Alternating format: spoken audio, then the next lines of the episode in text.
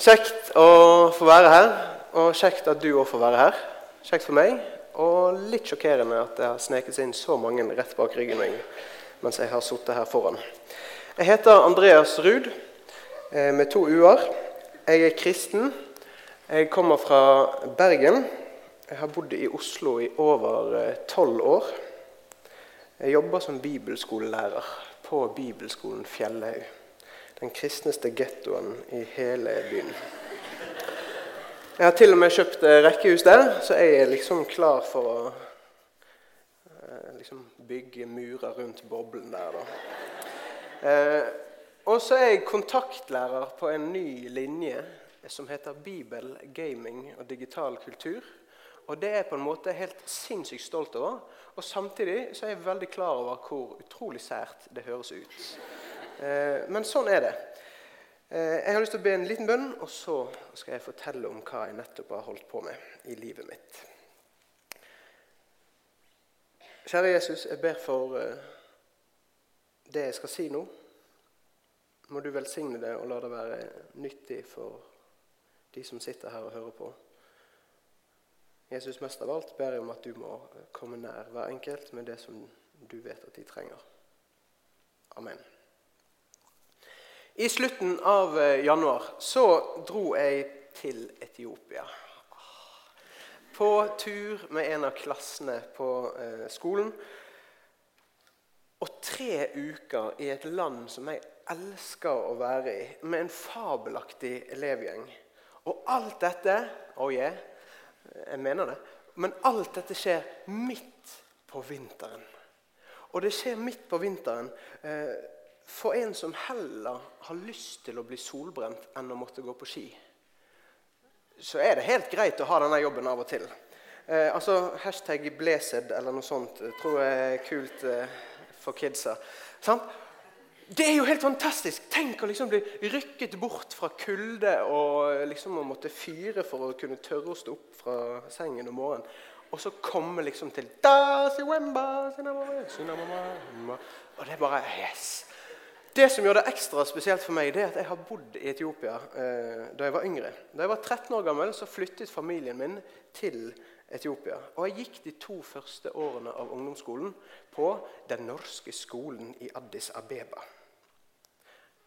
Da er det liksom ekstra digg å komme hjem igjen når jeg reiser på disse turene. På den turen som var nå nettopp, så var vi eh, på en slags sånn eh, ekspedisjon. Tre dager langt ute i bushen. Og da mener jeg langt. Det var liksom det busheste jeg har opplevd i Etiopia på disse turene her.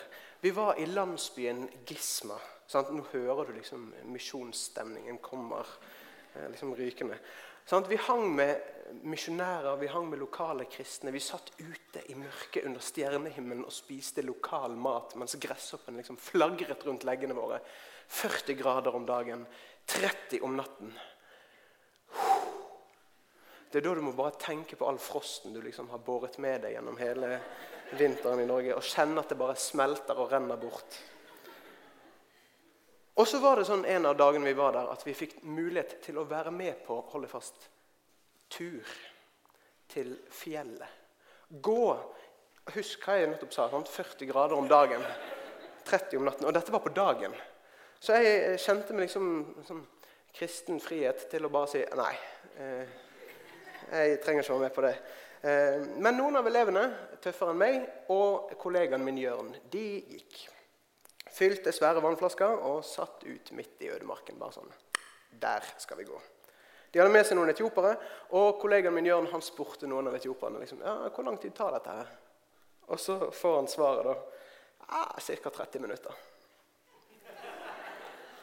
Ja, det hadde gått en halvtime, og de var fortsatt midt ute på sletten. liksom. Og han, eh, Jonas, han etioperen som hadde anslått hvor langt det var å gå, han skjønte liksom at okay, det holdt ikke helt, det var ikke helt blink, det han hadde sagt til den eh, norske besøkende. Eh, og så sa han noe helt genialt. Han sa altså, Hør her. Det kan godt hende at turen tar en halvtime. Det kan hende at han tar en time. Vi kommer fram når vi kommer fram. Eh, hvis du trenger et nøyaktig svar, så kan det hende at det er bedre at du spør han misjonæren We are not a very time-oriented people. Å, Trygve Skau, få det ut på Instagram! Sant? For et vanvittig sweet sånn misjonsromantisk sitat. We are not a very time-oriented people. Sånn? Magisk! Vi er ikke så tidsorientert. sant? Oh. Hva er vi i Norge? Er vi sånn time-oriented? Ja, det kan hende, det. Mest av alt så tror jeg at vi er eh, et vurderingssamfunn. Jeg tror jeg har funnet opp det ordet sjøl. Eh, hvis ikke, så har jeg hørt det før. Men jeg tror hvert fall at jeg tror det er riktig å si at vi er veldig sånn vurderingsorienterte. Sånn? Noe av dette som jeg skal si nå, det har du kanskje tenkt på før. Kanskje du har hørt uh, folk snakke om det. Sånne klisjeer sånn at ja, vi er så opphengt i likes og følgere. Sånn? Ringer det noen bjeller? Nå kan dere nikke for å gjøre meg litt rolig. Takk. Takk til dere, spesielt dere som sitter der. Eh, likes og følgere. Sant? Og dette usunne kroppspresset i reklame og media. Denne selfie-generasjonen som alltid må ha sitt eget ansikt forrest på et bilde de skal ta. Blir den tomatsuppen noe finere på bildet ved at fjeset ditt er foran? Jeg skjønner ikke det, eh, men så er det nå engang sånn det er. Du har liksom artikler og blogginnlegg som skal være så innspo. Det er et ord jeg har lært nå nylig. Eh, Men det skal være så innspo å liksom, eh, snakke om at liksom, nei, vi må ikke være så fokusert på likes og følgere. Og alle bare ja, ja, ja. Og så står det nederst i artikkelen sånn eh, Du kan godt like å dele dette hvis du er enig. Eh, ok, ja, ironisk, men ja. Og dette har dere kanskje hørt om før. Men en ting som slo meg, det er akkurat som at liksom, staten vil forsikre seg om at det er og blir sånn fra evighet til evighet av. Ved å liksom, fra vi er små, kjøre dette inn som noe av det viktigste i hele skolevesenet vårt. Det bygges opp rundt vurdering. Jeg er lærer sjøl, og det er så sinnssykt digg å være bibelskolelærer og slippe å måtte rette liksom 120 stiler om Napoleon. Og det er bare denne uken. Og så er det 120 stiler om dette. Det er nåde å få slippe akkurat det.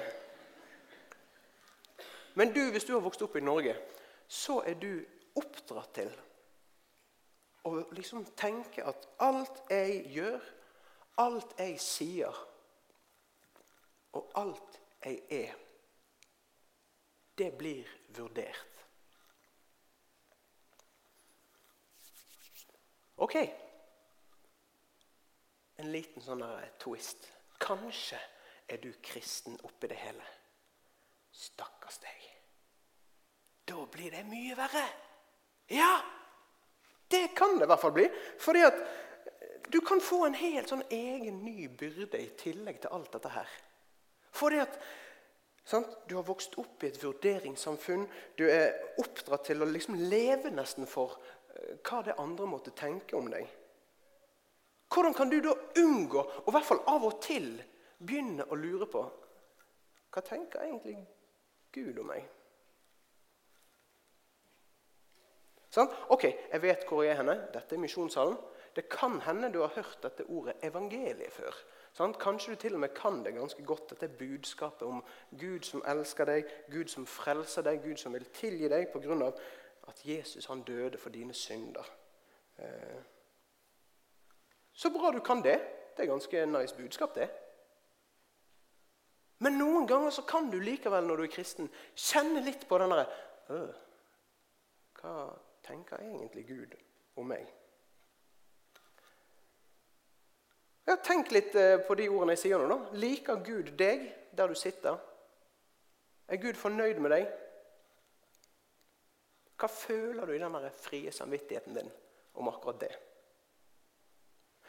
Og i tillegg til det, for å liksom bare gjøre det enda verre Se rundt deg, da. Se på alle disse kristne folka her. Hva tenker de om deg? Ha! Ja, det skal ikke være lett å leve. Det er ikke så rart om vi blir litt selvopptatte når vi lever med en tanke om at alle rundt meg de er opptatt av meg. Det er ikke rart om vi blir selvopptatte når vi lever med en tanke om at alle er opptatt av oss. Hva er det mening? Hvis alle er opptatt av meg, ja, da må jeg fokusere litt på meg sjøl. Men er det sånn det er? Er alle opptatt av oss? Eh, en amerikansk pastor som heter Mark Dever, en som jeg skrev en sånn dritlang stil om en gang, eh, masteravhandling heter det, eh, han sa en gang i en tale du hadde blitt overrasket hvis du fant ut hvor lite folk egentlig tenker på deg. Oh man, er det lov å si? Hør på ordene. sånn. Du ville blitt overrasket om du fant ut hvor lite folk faktisk tenker på deg. ikke det litt slemt hvis noen hadde sagt det til deg? Slapp av, ingen tenker på deg. Ouch! sånn? Er forferdelig. Du kan jo ikke si noe sånt. Slemme Mark. Det høres litt sånn drittsekkaktig ut. Men tenk litt etter. Tenk på det jeg nettopp har sagt før jeg sa dette sitatet. Kan ikke det være ganske befriende òg? Du som studerer, har du aldri vært sliten av at du må prestere på det studiet du går på? Kanskje sitter du der inne, og så har du måttet skippe eller hoppe av et studie. Har du grudd deg for å fortelle andre at du egentlig ja, jeg studerer egentlig ikke lenger der? Jeg orket ikke, eller jeg klarte det ikke, eller noe sånt. Eller en annen ting. Blir du noen ganger rett og slett lei av at du nesten alltid må liksom, se bra nok ut? Men ikke for bra, for du vil jo ikke tenke at folk tenker at du tenker for mye på hvordan du ser ut. Oh, det er nesten OL-gull i ironi, den tankerekken der. Men sånn, det, går, det må jo gå an å bli lei av det. Sånn, bare prøv. For noen så er det vanskelig å bare se for seg hvordan er det å aldri måtte tenke på hva venner sier om deg når du ikke er med i samtalen. Tenk å aldri ha den bekymringen. For noen så er det liksom De tenker på det like ofte som hjertet slår. Å, hva tenker de om meg i dag? Eh, de tenker ikke noen ting om deg i dag, for de sover. Og de, de, tenker ikke på deg som det første de gjør når de våkner. liksom. Ro deg ned, mann. liksom. Nei, likevel, det er helt Hva tenker de om meg? Hva tenker de om meg? Hvis vi flytter det inn i en sånn litt mer kristen kontekst Kanskje har du savnet å kunne gå på et møte uten å tenke Jeg går kanskje egentlig mest for det sosiale. Skal jeg være helt ærlig, så er det slitsomt nå for tiden òg. Men jeg er nødt til å gå. Jeg må på en måte være der. For hvis jeg skipper et møte til, så kommer det jo andre til å begynne å ja, 'Hvor var hun? Hva er det med han? Har han sluttet?' Hva? Åh. Og hvis og Dette er liksom katastrofen med stor K. Hvis du er kristen, og så har du gjort det som liksom på sånn kristent språk eh, er å gå på en smell. Det kan være en skikkelig smell, det kan være en uskikkelig smell. Eh, det kan være liksom ulike farger på den. La oss for ta noe litt mildt. Du har postet noe online som var litt på kanten, på kanten eller over kanten. Å nei! Fy søren, hva kommer til å skje da? De kristne som du omgås med, de har helt snik snikkert Helt sikkert, heter det. Helt sikkert snakket om det. De har snakket om deg, og kanskje enda verre. Kanskje de har sendt hverandre det hemmelige kristne dømmeblikket. Ja, det, så du det der med han ja, mm, mm, mm. Ja, mm, ja men, men, men ja mm, mm. Og så sitter de der og så sender de disse blikkene til hverandre rundt i rommet. og Så godter de seg, og så tenker de dømmende tanker om deg. Huff a meg. Og selvfølgelig, uten at det blir noe baksnakking, så er det noen kristne som har liksom satt seg ned, hatt en liksom eh, rettferdig og bibelsk eh, etisk bedømmelse av dine feiltrinn. Ja, nei, altså, vi skal ikke baksnakke, men du så det hun skrev. Ja, du så det han postet. Ja, du så den snap. Ja, mm, mm, ja mm. ok. Det var tre, tre dømmende blikk. Ja, ok. Da feller vi denne dommen. Hvis det hadde fantes en sånn månedens disippel i Misjonshavn, så kan du bare se langt etter den. Du har ikke sjans. Du gikk på en smell. Hvis du kjenner deg igjen i noe av det jeg nå brukte som eksempler, hvor godt passer det egentlig inn med 'hos deg finner jeg hvile'? Altså, yeah right. Hos deg finner jeg hvile. Jeg vedder på at her inne i dag så er det noen som klarer å ta den linjen fra den sangen 'Hos deg finner jeg hvile'. Og så klarer de på en sånn magisk kreativ vis å gjøre den setningen til jeg vet at jeg burde klare å finne hvile i troen på Jesus. Men det funker liksom ikke. Jeg får det ikke til. Fri samvittighet. Det går ikke an å intellektualisere seg til. Og så på en måte så går det heller ikke an å liksom teologisere seg til det heller. Sånn? Du kan være den skarpeste kniven i skuffen på kullet ditt på Fjellhaug eller på MF eller hvor enn du studerer teologi. Og Samtidig så kan du slite med anfektelse, tvil og syndens daglige plage. Og Hvis du studerer teologi og går på Fjellhaug, så vet du kanskje at det er en sånn Rosenius-referanse. Yes.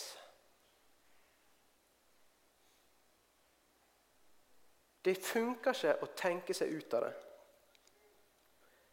Fri samvittighet, det må du faktisk oppleve. Og du kan faktisk bare oppleve det hos Jesus. Men Jesus han er ikke som det norske vurderingssamfunnet. Og Jesus er forresten heller ikke sånn som eh, liksom, NLM-kjendiser eller sånne kristne som ser så sinnssykt smørblide ut på alle sånne propagandabilder for UL og andre kristne arrangementer. Det ser så happy ut at det, liksom, det oser frelsesvisshet ut av det. Og liksom sånn Å, herlighet! Huh. Det var en sånn nær døden himmelen-opplevelse bare når jeg så på dette bildet av deg. Fy søren. Jesus er annerledes. Jesus er ikke så sabla happy-clappy. Hvordan er han, da? Vel, han er noe som kanskje for deg som har vokst opp i, i Norge, hvis du har det, som har vokst opp med denne vurderingstankegangen, så er han noe som kan være litt fremmed for deg. Han er nemlig nådig. Johannes, som skrev eh, noen bøker i Det nye testamentet, han skriver noe om Jesus i introen til evangeliet sitt. Av hans fylde har vi alle fått nåde over nåde. For loven ble gitt ved Moses, nåden og sannheten kom ved Jesus Kristus. Hos Gud så er det ingen vurderingsmål. Det er ingen ukentlige rapporter der Gud og englene liksom rister på hodet over den du er, eller hvor dårlig eller hvor bra det går i kristenlivet ditt. Det er ingen foreldremøter i himmelen. Halleluja. Amen. Altså, Jeg vet ikke hva du husker av liksom, foreldremøter fra barneskolen eller ungdomsskolen eller videregående, men jeg har vokst opp i en familie der mamma er lærer, pappa er lærer, jeg har blitt lærer, min søster er lærer. Hva tror du min bror jobber som? Det stemmer. Han er lærer. Sånn? Andreas går i første klasse på videregående og tenker sånn ah, foreldremøte, ja, her, vi må liksom melde oss på de lærerne vi vil snakke med. Vi skal snakke med alle! Mamma, please. Nei, dette skal vi Ja, den, den. 'Mamma, vi får ikke karakter i det faget.' 'Vi skal snakke med den!' Å, herlig fred. Og så er det liksom den deilige, oppløftende følelsen av å sitte liksom her og stirre litt ned i bordet, og så er du endelig kommet til den læreren i det faget der du virkelig aldri har gitt en innsats whatsoever. Og så sitter pappa der og mamma der, og mamma har liksom notatboken med seg. 'Mamma, hvorfor har du den med deg her?' Sånn? Og så Ja, Andreas, han eh, Jeg bare Nei. Jesus, hent meg. Sånn. Men prøv å se for deg den greien der i himmelen. Sant? Du sitter oppe i himmelen og stirrer ned i pulten, og så får du høre liksom Gud si ja, Han ligger på en svak treer i inderlighet i lovsang. Han har noen utfordringer med bønn, eh, og tro det trenger han litt ekstra oppfølging på.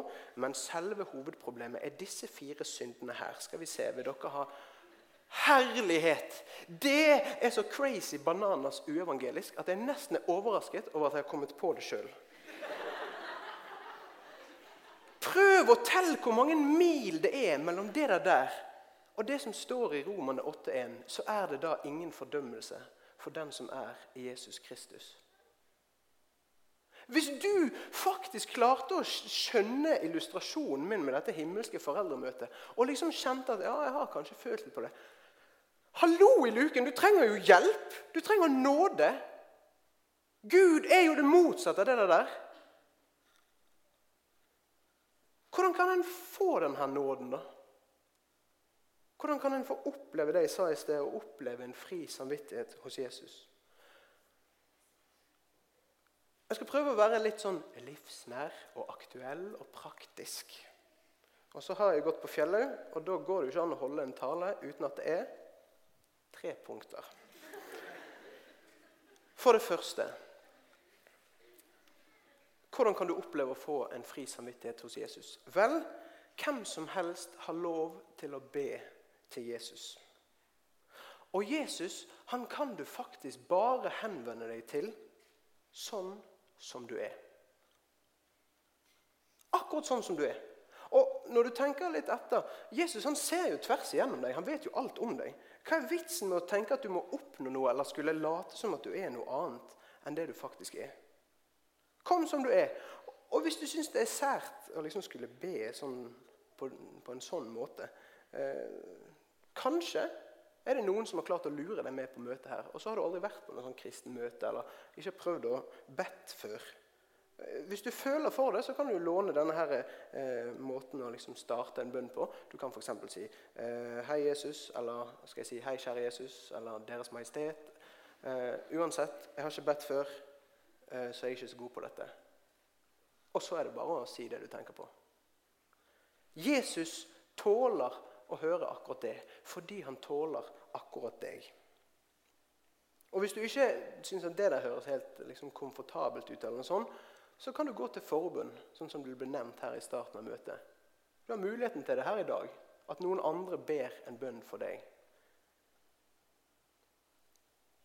Det var det første praktiske livsnære punktet.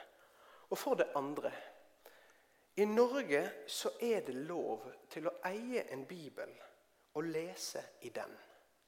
Wow! Tenk på det, du. Det var helt utrolig å tenke på. Visste du det? Nei, ikke jeg heller. Sånn? Ja, Men det er jo det. Det som er fantastisk med Bibelen, er at når du leser i den, så kan det faktisk skje at Gud lar deg få oppleve at samvittigheten din blir kanskje ikke sånn her, helt satt fri, men det blir sånn her oh, Nå er det et eller annet som beveger seg her. Nå er det et eller annet som roer seg litt ned her. Den boken der, den lever. Og den skaper liv.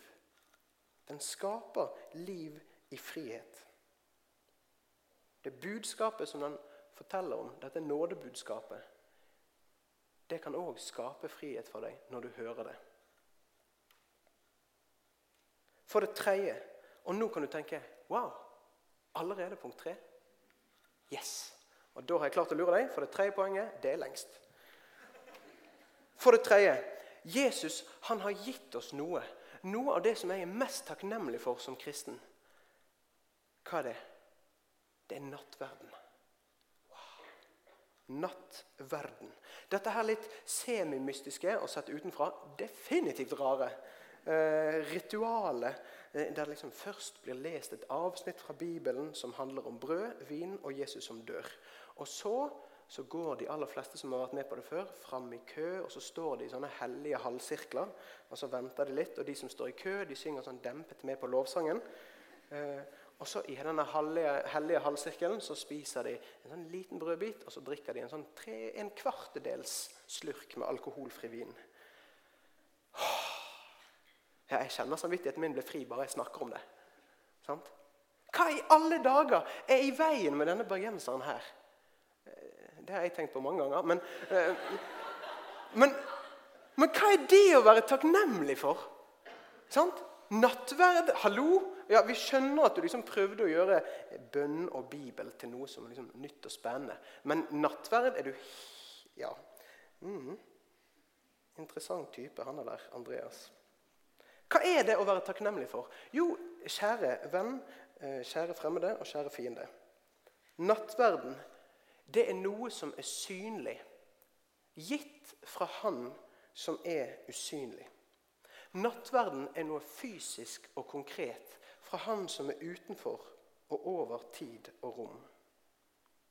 Det er noe håndfast, noe som stort sett er praktisk gjennomførbart for deg, så lenge du liksom har kommet deg til et møte der det er en nattverd, og du velger å gå fram og ta imot. Og Det som er kickeren med det hele, det er at det er så sinnssykt mye mer enn bare et ritual eller noe vi har tradisjon for å gjøre. Det er noe veldig mye mer enn bare Ja, det er jo litt fint, da. I nattverden så kommer Jesus nær deg. Og hva er det han har med seg? Han har med seg nåde. Our debt was great as was our need, but now the price is paid. Who can behold Emmanuel bleed and doubt his willingness to save? Står det i en sånn fet, moderne eh, salme. Nattverden handler om nettopp dette, at Jesus døde. Han døde for deg. Han gjorde det fordi han elsker deg. Han gjorde det fordi han vil ha med deg å gjøre. Og det beste av alt i hele verden du kan ikke gjøre en drit med det. Du kan ikke endre på det. Det er liksom hashtag fullbrakt, hvis det er lov å si. Vi, vi er syndere. Det betyr at vi liksom bryter budene til Gud. Noen ganger så kan vi være ganske rå dyktige på det og litt sånn kreative. Vi trenger tilgivelse, hele gjengen. Og så har Jesus stilt opp. Han har gjort noe fordi han elsker deg. Og så kan han gi det til deg. Ikke bare når du blir en kristen, men når du, liksom når du blir en kristen, men når du er en kristen. Og så formidler han det til deg voldsomt konkret i nattverden. Ok, Hvorfor er jeg så liksom heavy på dette med nattverd? Vel, Jeg har en kamerat som sa til meg en gang at ja, han slet med de og de syndene. sånn som det, Og så sa han noen ganger når jeg liksom har gått på en kjempe, sånn skikkelig smell og Husk det jeg sa i sted. Skikkelig smell, langt over kanten alt det der. Når jeg har gjort det, så kjenner jeg at jeg liksom, jeg kvir meg for å skulle gå fram til nattverd. Det, det, det passer liksom ikke helt. Jeg, må, jeg setter meg sjøl på en måte i karantene. Ok, Denne uken eh, har jeg omtrent ikke levd som en kristen. Eh, jeg er på MUF eller på den, hvilken som helst menighet. Det er nattverd.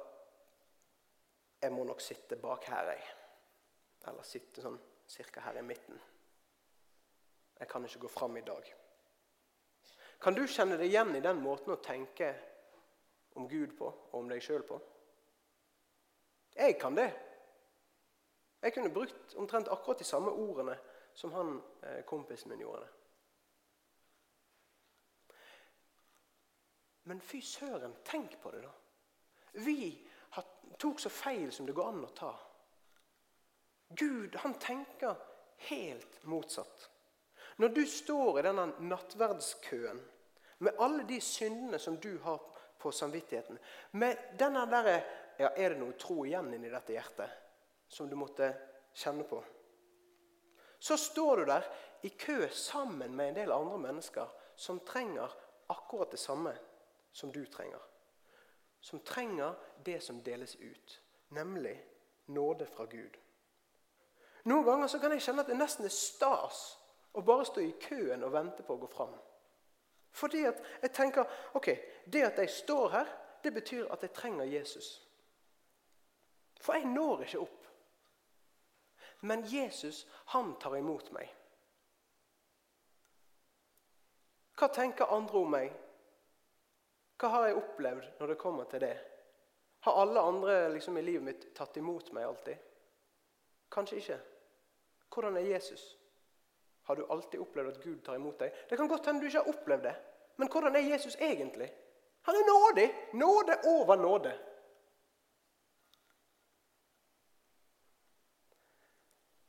Jeg står i nattverdskø på søndager der uken som har gått, har vært egentlig ganske bra. Jeg har hatt noen gode undervisningstimer på bibelskolen, jeg har hatt noen fine sjelesorgsamtaler, jeg har lest i Bibelen, jeg har bedt. Eh, ja, det har vært en bra uke. Og så står jeg i den samme nattverdskøen når jeg ikke bare liksom den forrige uken liksom, ah, har et lite svin på skogen. Jeg har en sabla dyrehage ute i skogen. Sånn, hva er det som skjer, Andreas? Dette her er jo ikke greit et sted. Men hva får jeg oppleve? Jeg får oppleve at Gud tar imot meg, og at Gud gir meg akkurat det jeg trenger. Akkurat nå så er, jeg ikke inne, er jeg ikke inne i en sånn tvilsperiode eh, eller sånn tvilsdel av troslivet.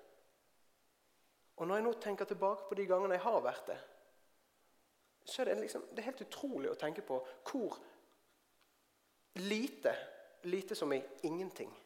Hvor ingenting jeg har følt noe som helst som har med Gud å gjøre, når jeg har stått i nattverdskø og tatt imot en brødbit og vin og liksom bare Ja, ja, da var det gjort. Oppå det der fatet og så gå ned og sette igjen. Men hva er det jeg faktisk har opplevd? Jeg har opplevd at Gud kom nær. Det var det som skjedde, uansett hva jeg merket eller ei. Gud, han kaller oss til seg. Han kaller oss til seg sånn som vi er, og han kaller oss til seg hele tiden. Han vil ikke bare ha med oss å gjøre fram til han har sett hvordan vi liksom takler livet og liksom fungerer som praktiserende kristne, og så begynner han liksom å denne invitasjonen. Søren, skulle ønske jeg ikke hadde invitert de. Gud er ikke sånn. Gud han inviterer deg, og han inviterer meg. Sånne folk som ikke når helt opp. Ja, jeg kalte deg nettopp for en som ikke når helt opp. Deal with it. Gud vil ha med deg å gjøre.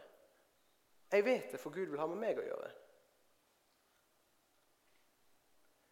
Gud inviterer deg som synder. Gud inviterer deg som aldri blir generalsekretær i NLM. Gud inviterer deg som lurer på om du kan kalle deg kristen eller lurer på om du er det egentlig. Gud inviterer deg som kan være skamfull eller skuffet over deg sjøl, over ting du har gjort eller tenkt eller sagt. Og så inviterer han deg som lurer på er jeg egentlig skamfull og skuffet nok over det jeg har gjort. Og så kommer du fram til han da. Kanskje du trenger å gjøre det et par ganger. Kanskje du trenger å komme liksom gjentatte ganger. Hva skjer da? Hva skjer med deg når samvittigheten din faktisk blir fri? Vel, å ta imot Guds nåde, dette kristne uttrykket her, det er jo faktisk å få noe. Vi tar imot noe. ok, Oi, jeg har visst fått noe. Spennende. Det skjønte jeg ikke at jeg skulle få. Jo, det er sånn det er. Det er sånn det fungerer å ta imot noe. Og hva er det du tar imot? Du får noe fra Gud som vil påvirke deg. Noe som vil gjøre noe med livet ditt. Måten du tenker på, måten du lever på. Prosesser kan bli liksom satt i gang. Og Så går det et år, og så tenker du wow, nå er det egentlig noe som er litt annerledes. Jeg har ikke merket noen ting til det underveis. Men hvis jeg tenker tilbake på det, så er det noe som har skjedd. Jeg har forstått det sånn at Kristian, som skal holde de andre talene her på denne møteuken, han skal snakke mer om dette temaet på fredag. Nå skal jeg avslutte, og jeg har lyst til å si eh, noe om en liten setning i den bønnen som vi kaller for Fader vår, eh, eller Vår Far. I den bønnen så ber vi La oss ikke komme i fristelse, men frels oss fra det onde. En fri samvittighet kan be den bønnen uten flauhet eller skam eller liksom skuffelse. La oss ikke komme i fristelse. Men kjære Jesus, hvis jeg kommer i fristelse, så må du frelse meg fra det onde. Dette her, det er en bønn som du kan be så mange ganger du bare klarer her på jorden. Om du opplever konkret liksom, hjelp fra Gud, eller liksom at du blir styrket, eller noe sånt, eller ikke, så får du fortsatt komme til Gud. For å komme nær til Gud, det handler om å nettopp gjøre akkurat det. Å gå nær der som Gud er. I bønn, i Bibelen, i nattverden og fellesskapet liksom rundt den. Å ha en fri samvittighet ved å komme nær til Gud, det handler om å faktisk gjøre dette framfor å lykkes i kristenlivet. Eller klare å prestere. Eller å være som de andre. La oss derfor med frimodighet tre fram for nådens trone, så vi kan få miskunn og finne nåde som gir hjelp